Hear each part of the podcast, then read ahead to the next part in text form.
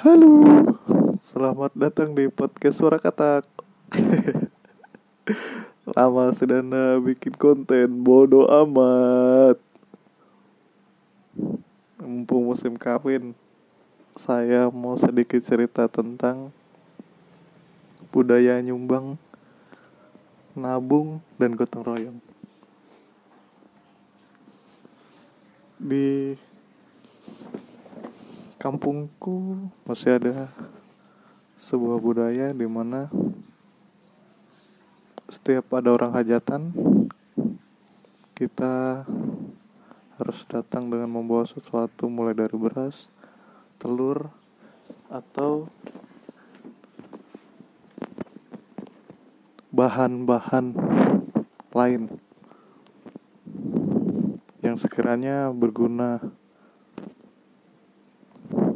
Hal ini dimaksudkan untuk membantu yang punya hajat agar terhindar dari pembengkakan biaya. Dan bagi si penyumbang ini juga berarti tabungan jika nanti suatu hari bikin hajatan apa yang disumbangkan tadi akan dikembalikan oleh sang punya hajat sebelumnya gitu. Jadi bisa dibilang tradisi ini namanya tradisi belas budi gitu. Apa yang kita kasih dan itulah yang kita tuai. Gitu.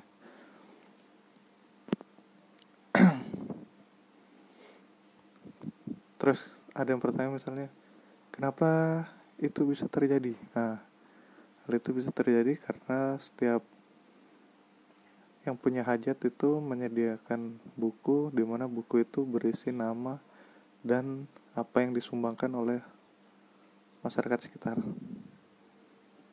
Konsepnya asik ya. Kesannya gotong royong gitu. Banyak memberikan maksudnya meringankan si punya hajat. Tapi ternyata menyelipkan sebuah masalah di mana muncul pemikiran bahwa yang diundang akan malu jika datang tidak membawa sumbangan, sehingga memilih opsi lain yaitu berhutang ke tetangga atau pemilik toko demi bisa menghadiri undangan dengan membawa sumbangan. Ya, menurutku kasihan karena kita sama-sama tidak berada dalam ekonomi yang sama-sama.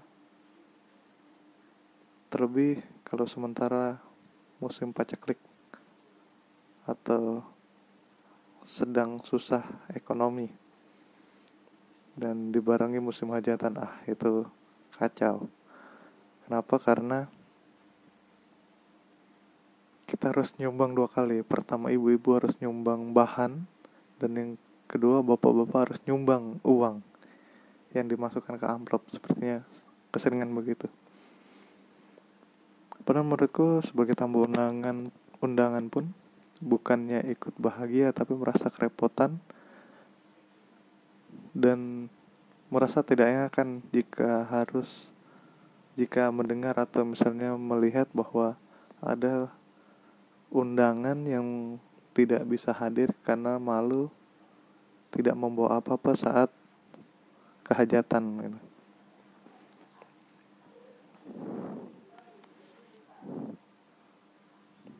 Terus kalau saya sendiri sih tidak masalah gitu.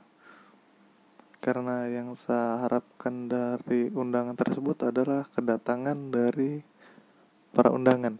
Walaupun tanpa bawa apa-apa tidak masalah. Karena yang saya ingin dapatkan adalah kedatangan para tamu undangan gitu.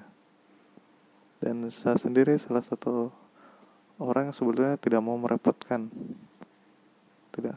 Karena dengan kita buat hajatan yang melibatkan banyak orang jelas mau tidak mau para ibu-ibu di sekitaran rumah kita akan secara tidak langsung berhenti atau libur masak di rumahnya dan mau tidak mau harus masak di rumah.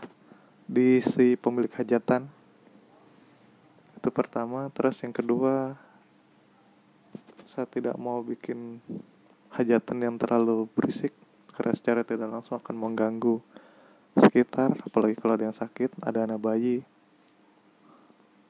atau hal-hal lain yang mungkin kita anggap inilah momennya pesta tapi ternyata dianggap oleh, orang lain adalah hal yang mengganggu gitu. Terlebih kalau menutup jalan dan lain sebagainya